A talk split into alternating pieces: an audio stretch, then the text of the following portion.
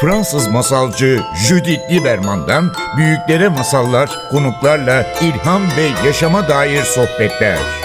Masal Buya başlıyor.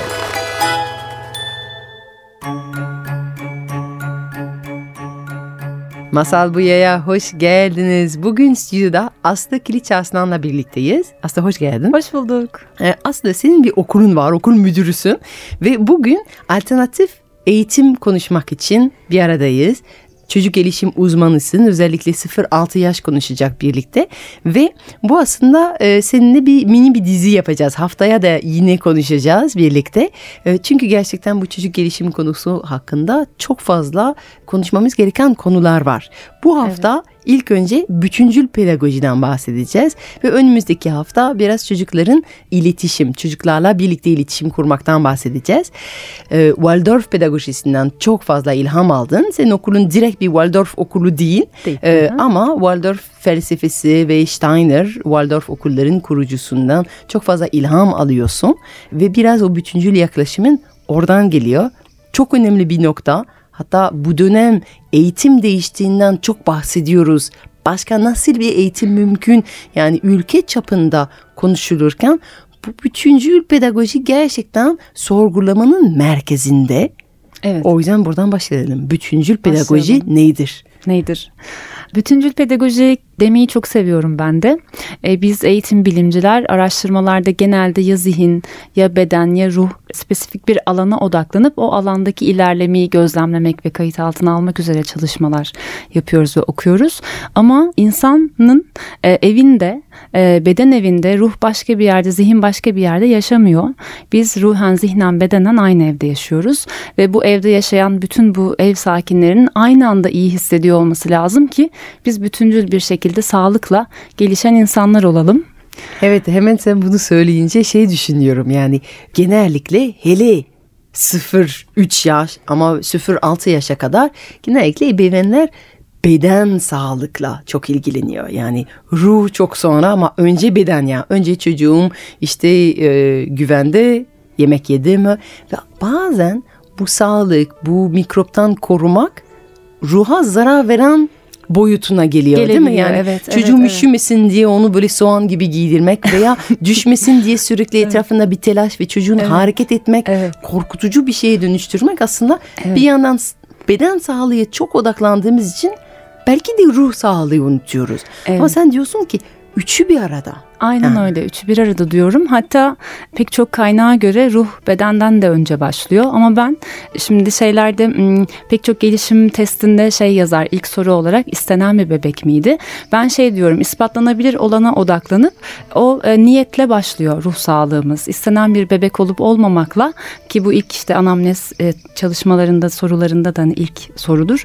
E, bununla başlıyor. Aslında e, dediğin gibi biz çok fazla ilk başta bedene odaklanırken onun sosyal fiziksel duygusal yani ruhsal gelişimini gözden kaçırabiliyoruz. Peki her şeyi aynı anda dengede nasıl ilerletiriz? Bütüncül pedagoji biraz bunu içeriyor diyebilirim. Üçünü aynı anda sağlıkla iyi e, ve dengede tutma hali. Bence çok önemli olduğu sebeplerden biri bu dönem sürekli yani bir, bir değişim dönemindeyiz. Eğitim ve çocuk gelişim konusunda gerçekten bir devrim dönemindeyiz. Her şey değişiyor, yerler kayıyor ve bazen bu değişim içinde böyle e, geçici modalara ve trendlere, e, yeni çıkan kitaplara tutunup ha meğer bunu yapmak gerekiyor. Ay meğer çocuk yogası yapmazsam olmazmış ya da bebek yogası yapmazsam olmazmış.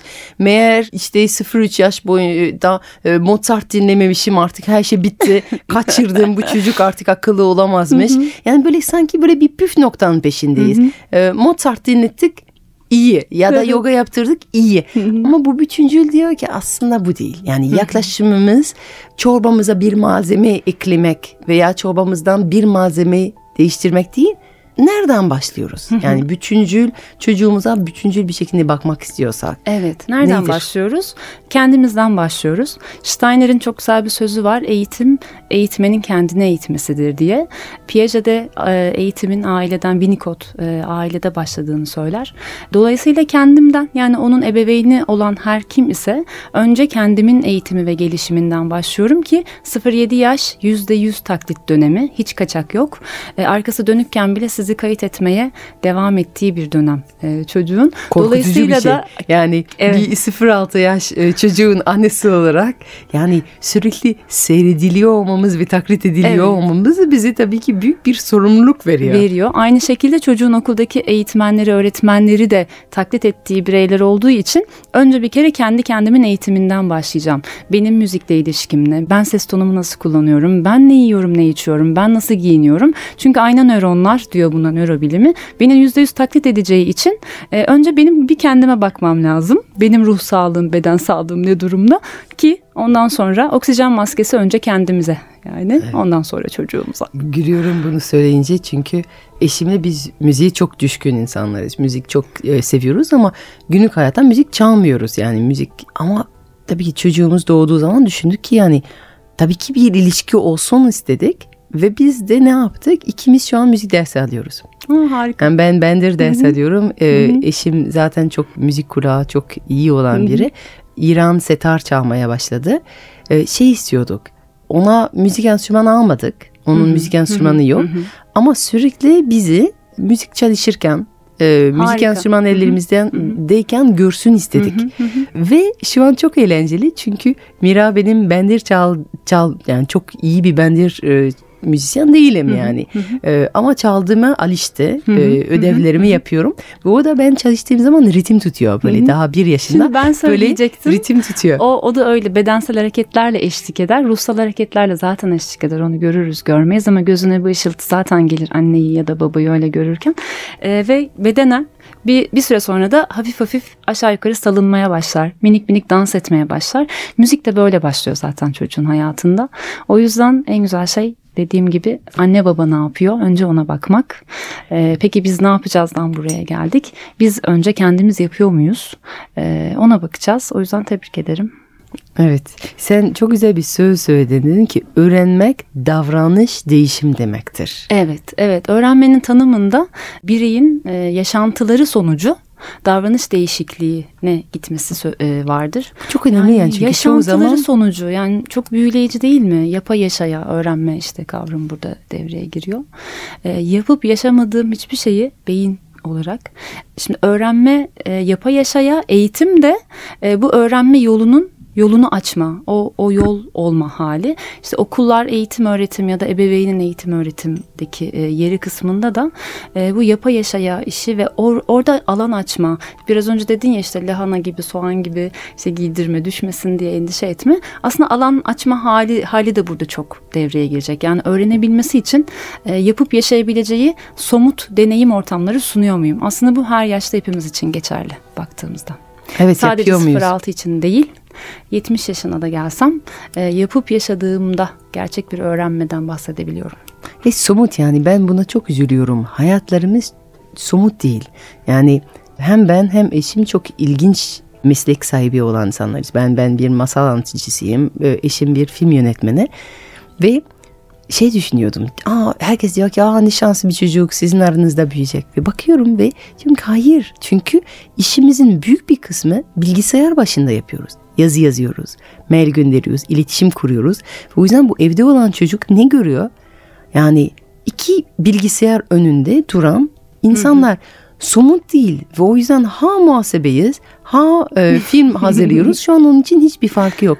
Ve benim için yani e, kızım Mirabel doğduğundan beri sürekli şey araştırıyorum. Hayatımızı nerede ve nasıl somutlaştırabiliyoruz? Ve bir bakıyorum ki ne zaman ki kızımın gözünün önünde bir şey olsun diye somutlaştırıyorsam biz de aile olarak çift olarak daha iyi de hissediyoruz. Hı hı. Hayatımız çok soyut olmaya başladı.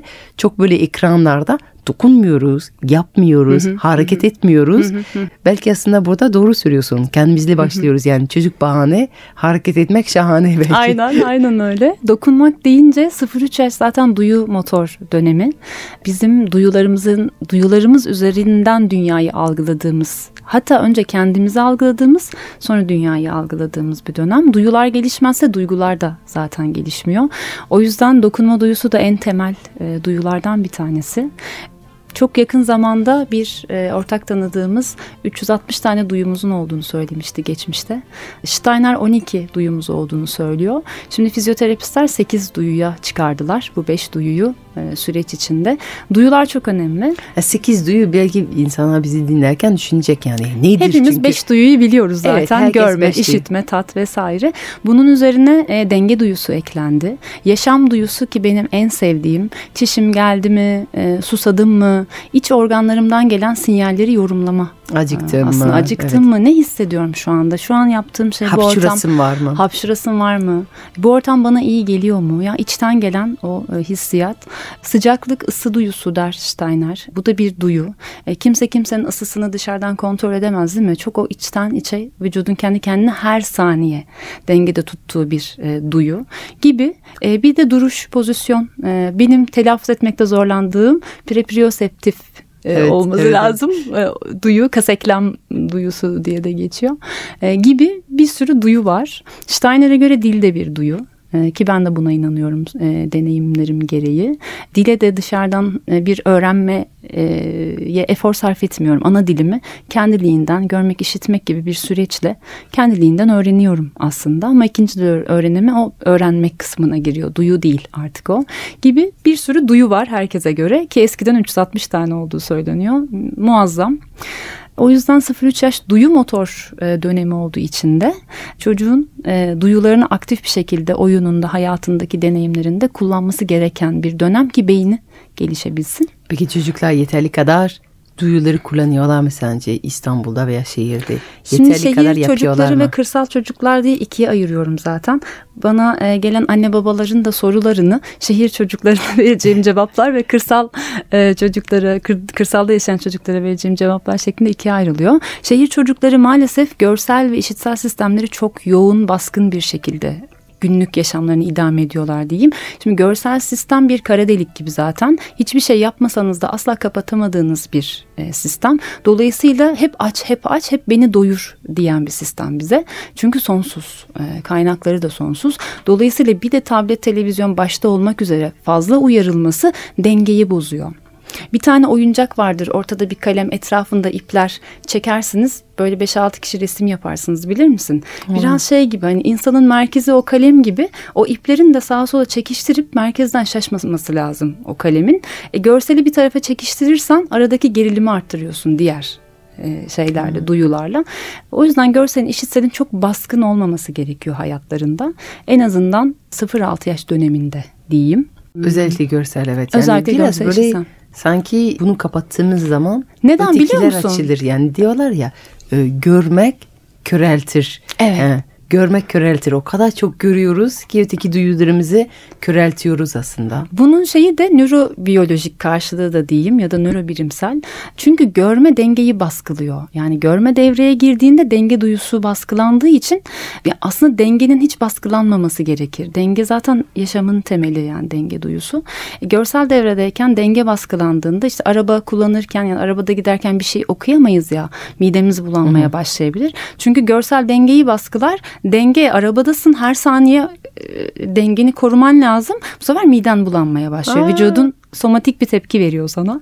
Dolayısıyla görme çok baskılanmaması gereken bir duyu 0-3 ve 3-6 yaşta. Özellikle. Evet. Yani bazen işte sö- söylüyordun böyle müzik diyelim öğretmek istiyoruz. Diyoruz ki ha hemen işte Mozart oldun ama sen diyordun ki yani bir çocuğun için ilk müzik başlamak için ilk yer Anne sesi. anne sesi Evet. ve niniler. Matematik başlatmak istiyoruz. İlk yer sayılar değil. Miktar. İlk yer miktar. Evet. Kaşık, el, elde tutmak. kaptan kaba boşaltma, aktarma. Çocuklar zaten onlara bıraktığınızda onlar bize her şeyi sö- söylüyor. Ben Montessori sezgili öğretmen kavramından bahseder. Ben de sezgili anne baba kavramını çok seviyorum. Oradan e, mütemma. Ya zaten sezgili davrandığınızda çocukları gözlemlediğinizde ona çokluğu sunan biziz. Çocuk hep aynı kitabı okumak ister. CE oyununu milyon kez oynayabilirsin ve her yaşta tutan bir oyundur.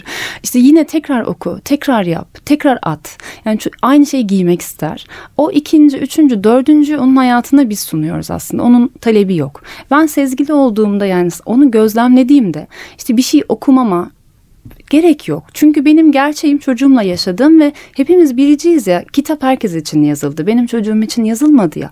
O yüzden benim onu görmem ona odaklanmam lazım. O bana ne istiyorsa söylüyor. Su ve kum istiyor mu?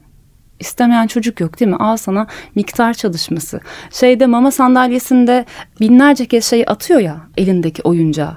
Yer çekimini keşfetti matematiğin de başlangıcı diyebiliriz sezgisel matematiğin. Fizik, evet. Fiziğin başlangıcı diyebiliriz. Yani zaten kendisi ihtiyacı olan her neyse işte sinir duyu sistemin çalıştırmak istiyorsa harekete başvuruyor. Bir anda çocuk duruyor mesela halının ortasında o ışığın etrafında dolanan sinekler gibi böyle dairesel koşmaya başlıyor. Rahatlıyor sonra tekrar oyununa gidiyor.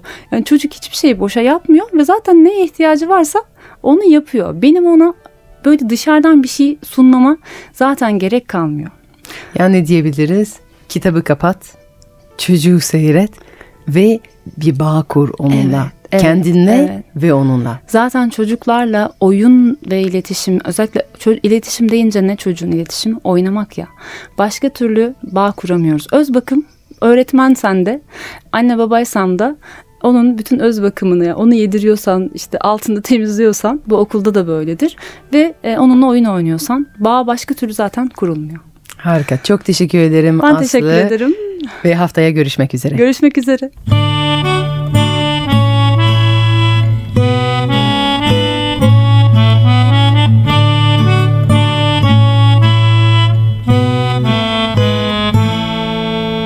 Jess okuldan nefret ediyordu.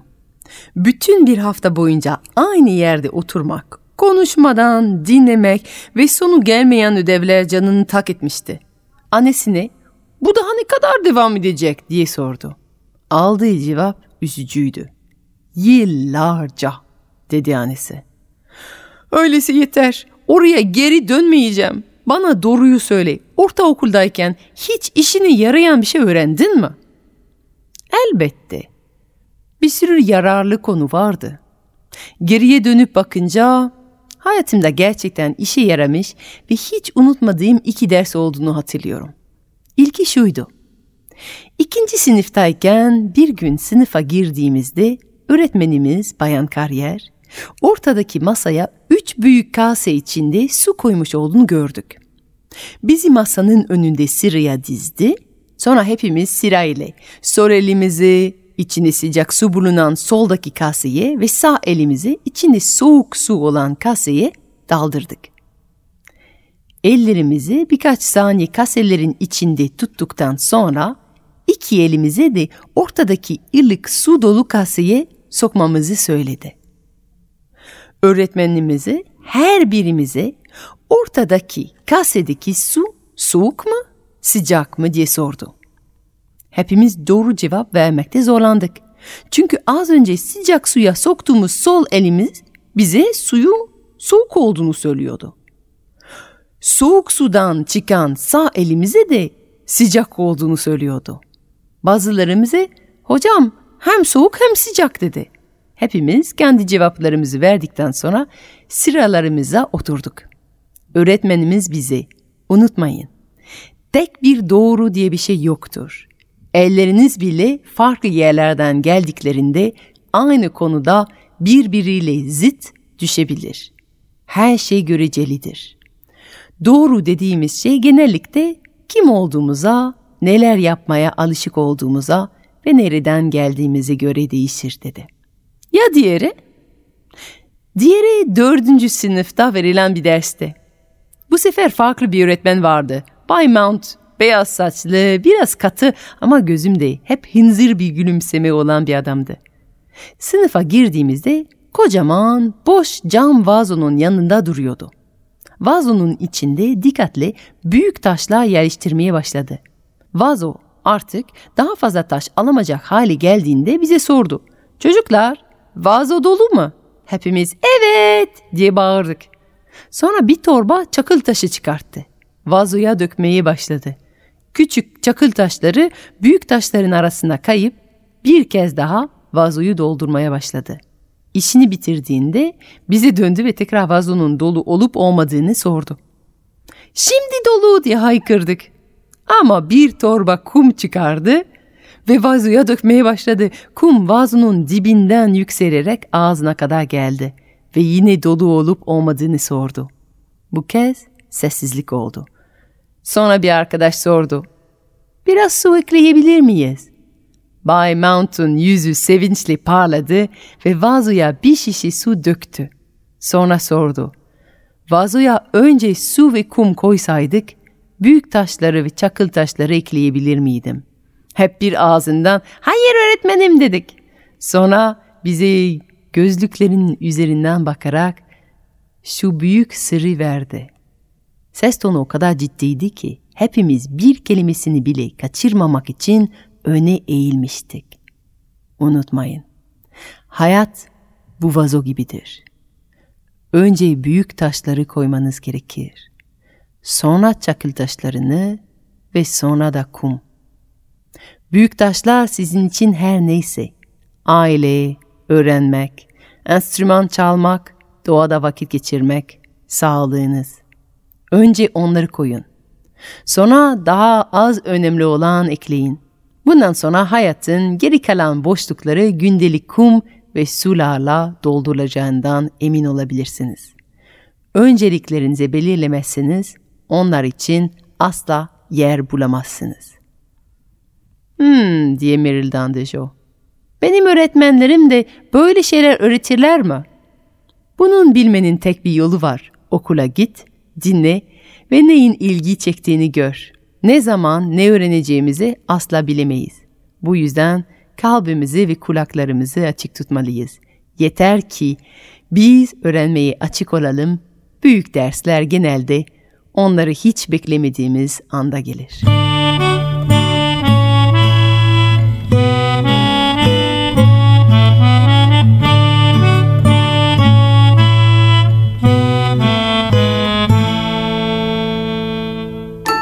Fransız masalcı Judith Lieberman'dan büyüklere masallar, konuklarla ilham ve yaşama dair sohbetler. Masal Buya sona erdi.